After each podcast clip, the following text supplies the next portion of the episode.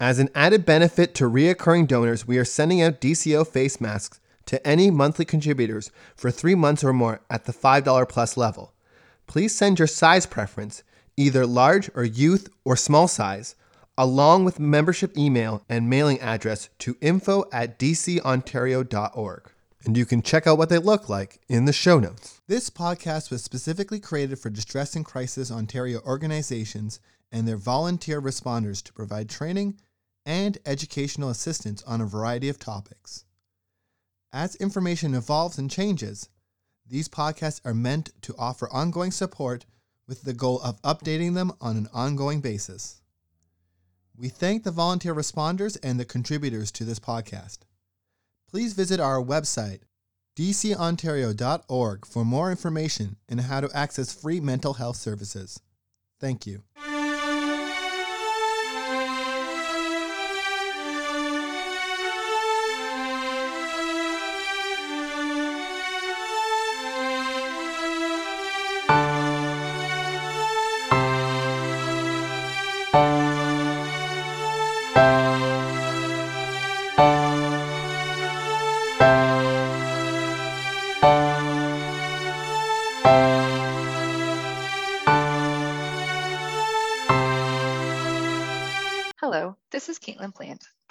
Manager for Distress and Crisis Ontario, and today I am joined by returning guest Marilyn Clark, a qualifying registered psychotherapist and a candidate art therapist, to discuss her research exploring the role that creative engagement can play in fostering healing and meaning making for individuals within the suicide loss community. Please be aware that we will be discussing the topic of suicide today, which may be difficult for some listeners. Marilyn's goal is to raise audience awareness about the potential benefits of using art therapy as a mental health modality to promote healing. As a suicide loss survivor, Marilyn is committed to contributing to ways in which she can support, inform, and improve future support approaches for survivors of suicide loss. In the notes for this episode, she has shared a link for listeners to answer the question How do you see art therapy within your community as a potential tool of support in your client population? So, Marilyn, thank you for joining us today. In case anyone listening has not heard your previous episodes with us that we released in April, could you please tell us a little bit about yourself? Yes, thank you, Caitlin. I'm a Toronto Art Therapy Institute student and a qualifying psychotherapist, as Caitlin has mentioned, currently working at the Delton Glebe Counseling Center in Waterloo. And I'm also the principal investigator for the research that we will be discussing today and it's called Healing for Suicide Loss Survivors through Individual Online Art Therapy. Um, I come from working in the violence against women sector with individuals who have experienced intim- intimate partner violence. I work from a narrative, strength based, trauma informed lens. And just for, for audience listeners, a trauma informed lens understands and considers the pervasive nature of trauma and promotes spaces of healing and recovery um, that does not pathologize a person's response to trauma, but rather sees certain responses as adaptive. And so a trauma informed lens um, is inherently characterized by empathic and supportiveness, uh, support with a keen awareness of how systems can, can inadvertently uh, re traumatize a person. Yeah. Hmm. that's so, a little bit about me. Sorry. So, what led you to art therapy as a tool for healing? Well, um, I would start with my childhood. You know, two major influences in my childhood were of art and the emphasis on community engagement. And so I, I attribute my love of art to my mother, um, Mary, who was who was a gifted artist, and she provided many creative opportunities in my childhood. Um, myself and my five siblings. Yeah, so I, I believe that these experiences instilled a, a sense of how art making can serve as a, as a tool um, for healing. And uh, uh, very sadly, my mother died uh, in 1990 by suicide at the age of 52. She suffered from bouts of acute depression. And um, it was during this time of sorrow uh, that I turned to turn my attention more intently to the outlet of creativity. as a way to cope and express my feelings. So it's the, the act of art making is highly personal for me. And um, this feels very much, the engagement in art therapy feels very organic and relevant to my life experience. Thank you so much for sharing that with us. Um, so I'm wondering now if you could tell us a little bit more about your research.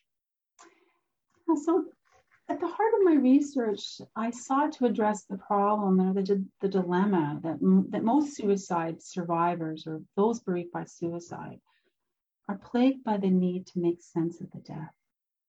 And so, how do we make meaning out of a death? How do we reformulate um, our prior systems of meanings? And as, as grief associated with suicide is complex, there's no question that deriving meaning is an ongoing and challenging prospect. So, at the heart of my research and motivating my research is the simple question what role can creative engagement play and foster healing and meaning making for individuals within the suicide loss community? So, my rationale around my my research question is that it's that artistic engagement um, will foster meaning making and promote healing quite simply. Mm-hmm. And the the project is intended to primarily, my participants are number one, but also in doing what I'm doing today and talking about it, it's, it's intended to, um, to strengthen understanding of issues surrounding suicide by cultivating broader perspectives ultimately and breaking down stigma. So this is this is at the heart of what I'm doing, and uh, I had six individual participants who participated in six art online art therapy sessions over a period of six weeks. So a total of 36 sessions. And the work was absolutely phenomenal. The work within this space was intimate and the courage and the trust within the space was was uh, really something that um, was very humbling for me and the scope of loss and the variety of losses uh, fathers mother brother, friend, uh, partners. Um, it was it was very much um, it was very eye opening and very generous of my participants. So I feel that the purpose was met in the sense that the, the participants were able to provide illuminating context into their experience of, of suicide and the loss associated with it. Hmm. So it definitely sounds like you've you've been doing some really important work here, and yeah, I'm, I'm wondering if there's been any surprises or outcomes that you didn't expect from your work. Oh yeah, there were surprises, and the capacity of individuals to use their their pain to change their lives for the better. I mean, the notion that that individuals can adapt, and of course, I saw that in my own family, the ability to adapt in the wake of incredibly an incredibly painful and a traumatic experience. So this is always, um, again, very humbling. And so the, the participants in the study were more open to the experiences found in the art, art making that I could possibly have imagined incredibly generous, as I said, honest and willing to explore through both art making and actually writing through their artist statements. That was a very rich experience for me as well. I was struck, uh, was struck by their striving to understand, to make sense of the traumatic experiences in the context of their own lives and their own relationships with the deceased, and how all the participants, in their own ways, uh, were seeking to embrace life this was again very moving for me. Yeah, so this those were big surprises. And as as I mentioned before, when someone dies by suicide, the story surrounding the event or the death itself has a way of overshadowing the person, and this is very painful. And the art invitations were chosen in deliberation to really look at that relationship so that they that they could re-experience and and perhaps understand more fully and more deeply that relationship. So this was all very uh, theoretical at first and then became very much alive during the actual process of working with my clients. And so, uh, my participants rather. so one of the things that um, I, I, if I could, I, I, would like to share with you uh, maybe a few responses, uh, anonymous responses, of course, from my, my participants, Caitlin. Absolutely. the first thing that we did was we did collage making. And uh, collage is an optimal first activity because it's simple, it's accessible, and it's a way to ease art making fears for individuals. So I'll just read an excerpt. The words within my collage represent a glimpse of what I hold on to as I continue to live my life, while honoring all of the amazing, the amazing qualities and characteristics about him. This collage inspires me to be gentle and kind with my emotional well being while continuing to grieve such a profound loss. If you don't have the added benefit of seeing the collage, the next one we we did was body mapping, and it's meant to body mapping is meant to promote ways in which grief is held in the body, acknowledging pain as it's very important to achieving restoration with, within ourselves. And um, the body mapping was again very, very profound experience for, for many of the participants. So from the top of my head, I feel grief as the heaviness of a thundercloud. Then moving down to my neck, the sensation manifests as the weight of the heavy rocks, of heavy rocks that generates a very tight, heavy, and stiff feeling. Moving towards my chest, the heaviness continues. Only here it feels as though someone is standing on my chest. So, this is an excerpt that illustrates that grief is felt very profound within the body, and acknowledging that and giving some tenderness towards the body and understanding that it lives within the body is, is very important. And these individuals were, they had lived this experience and understood in, inherently, in, intuitively rather, that, that it does live within the body. And next, we worked with paint, and the fluidity of paint allows for spontaneous expressions to unfold. And um, so, just an example of how this how this might how somebody might respond. One of the participants said, "I loved the string painting activity. I found that I struggled with naming my grief and the other complicated emotions along with it intuitive art making will hopefully make me continue to process my complex emotions. I now believe in the validity and helpfulness of it. And then we had clay. We worked with clay, session four. And clay is intended to foster emotional grief repair in celebrating and honoring aspects of the deceased. And so we're moving into the clay, and it reminds us of impermanence, and it reminds us that um, nothing is nothing of course is is permanent but it gives us a keen sense of the moment as well. So it has it can be a very moving experience as well. And so working with clay one one client says before i started working work with the clay i found myself thinking the clay would allow me to get some of the darker feelings related to my grief because it can be worked physically. But when I closed my eyes and started working with the clay and let my hands rather than my mind guide me, they, my hands, didn't want to be rough with the clay, but rather gentle.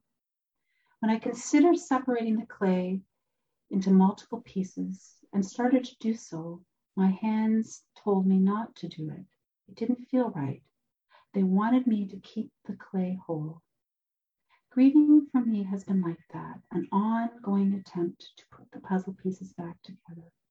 Some days it's clear how they fit together, and other days it's more puzzling.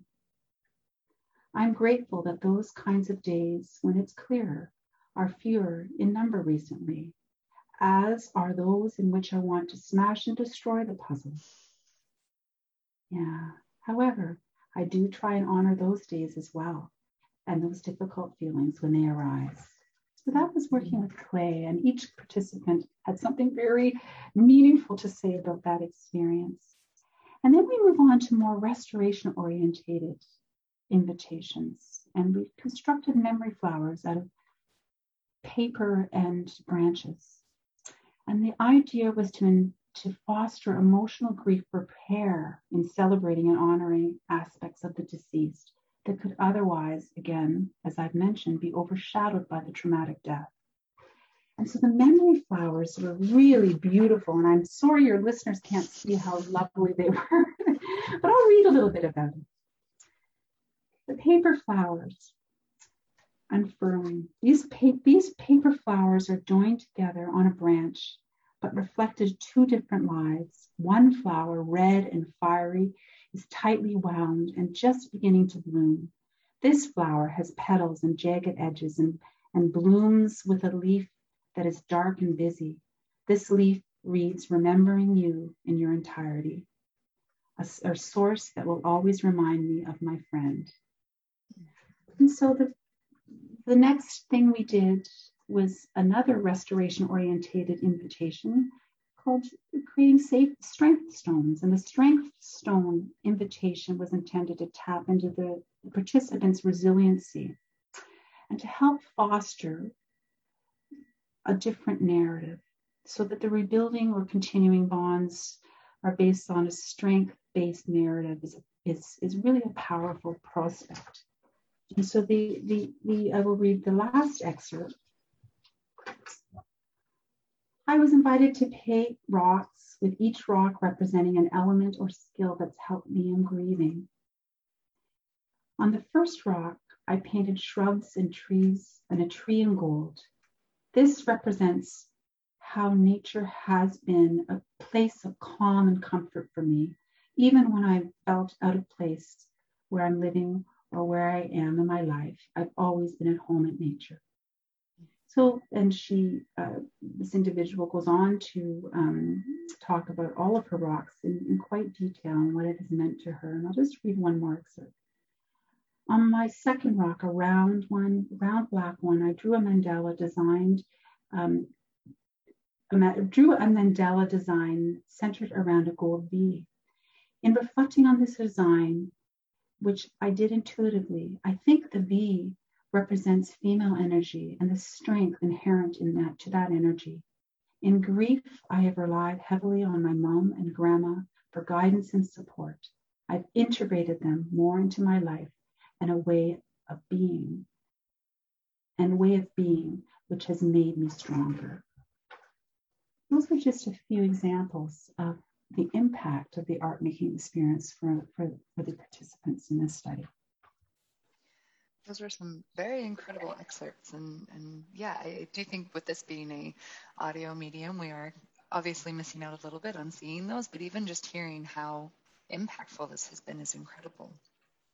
Yes. So, has there been any one highlight of the whole experience for you? Oh, any one highlight?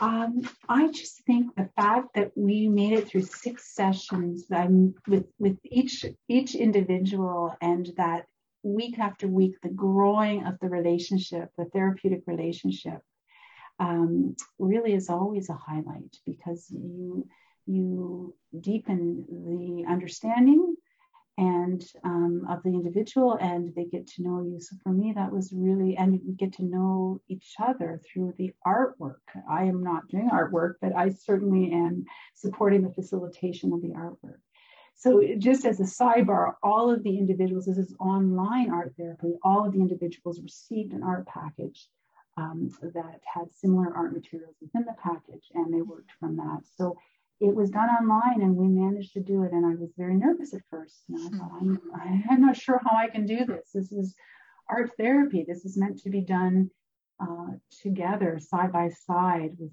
with me being beside my, my participants or my clients. And the pandemic uh, allowed me to revision, re-envision rather, the, the idea of um, how we support another person. And, and it, it was very profound and meaningful, as I've mentioned. Yeah. So. Mm-hmm. So when it comes to this podcast today, is there one key piece of understanding that you hope for people to take away? Yeah. Well, I, I think uh, I would like individuals to to understand that one of the themes that continues to be um, prevalent is the is the theme of stigma And this is something I experienced myself, whether it be self stigma or stigma within the community. Um, we, we must consider that suicide, people bereaved by suicide loss experience stigma and and and we can consider even the language um, such as committed suicide the idea that um, somebody has committed a crime or that it is something that um, should be deemed a crime. This language, although we've tried very hard, we've been trying for 30 years to destigmatize the language, it's still used quite commonly in our everyday vernacular. So that's just one example. To think about the stigma and to talk and to reach out to others who have um, lost somebody through suicide. And this is something that I would say uh, the reaching out piece. Don't be afraid to reach out. If somebody's not ready, they'll tell you and um, you may just open up that door, that door for the individual to, to talk and to, to derive comfort in talking about the deceased, or to um, to really to really find ways to build and rebuild community. They need community members to move in and lean into their loss. So that's one thing I would I would say is very important. Um, and I just would like to say that, you know, I'm going to read a little quote here by Dr. Jill Lamore. She's a researcher. Dr. Lamore is a researcher, an American researcher and clinician um, in suicidology. And she says that the one single event of a pebble falling in the water affects all that is around it with multiple, vast, extending ripples. Death has that ripple effect as well setting off a disturbance that moves across time and space. Just reflect on that, the impact, the impact that suicide loss or any loss, loss in all senses, any tragic or sudden loss, and loss and, and loss, expected loss even. It sets off these ripple effects, and we must be uh, aware of that. So this is what I'd like to, you know, just leave that idea of how do we destigmatize and how do we talk about suicidal ideation? How do we talk about suicide and bereavement? These are these are topics that are near and dear to my heart. And as a researcher, um, I'm becoming more and more invested in, in ways in which we can respond to this population. Just knowing, uh, you know, that over 4,000 people die by suicide each year in Canada and uh, for every suicide, there are many more who will attempt suicide. And it's the top leading, leading cause of death. Uh, top, sorry, rather, it is one of the top 10 leading causes of death um, in the world. And so we really need to, um, and we really need to be aware of that this is something that happens and to face it and to help others. So this is this would be my very simple message. It's simple yet complicated message. Yeah. Well, as we wrap things up today, I just want to thank you again for coming on and sharing all of this with us. And I'm just wondering if there's anything else that you would like to share today that we haven't already touched on. Well, I would like to say that September is National Suicide Awareness Month. And September 10th is World Suicide Prevention Day. So September 10th, particularly as the designation of this day provides a chance for broader conversations with communities to promote broader understandings about suicide.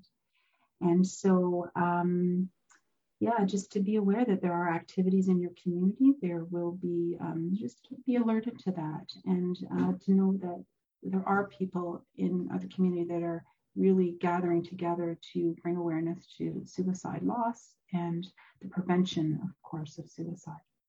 So I uh, wanted to shout out to those two, uh, two very important uh, designations in September.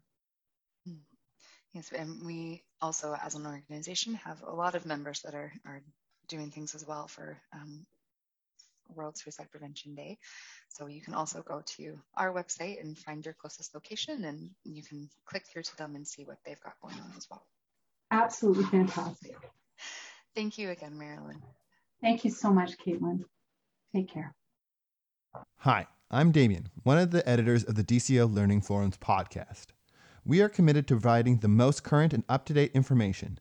With your help, we can make it better. Please consider going to tips.pinecast.com slash jar slash distress dash and dash crisis dash ontario.com or by clicking the link in the show notes. And by donating, monthly contributors will be able to access a special podcast feed. In it, we'll have additional content and some more in depth pieces on some of our most popular topics. Thank you.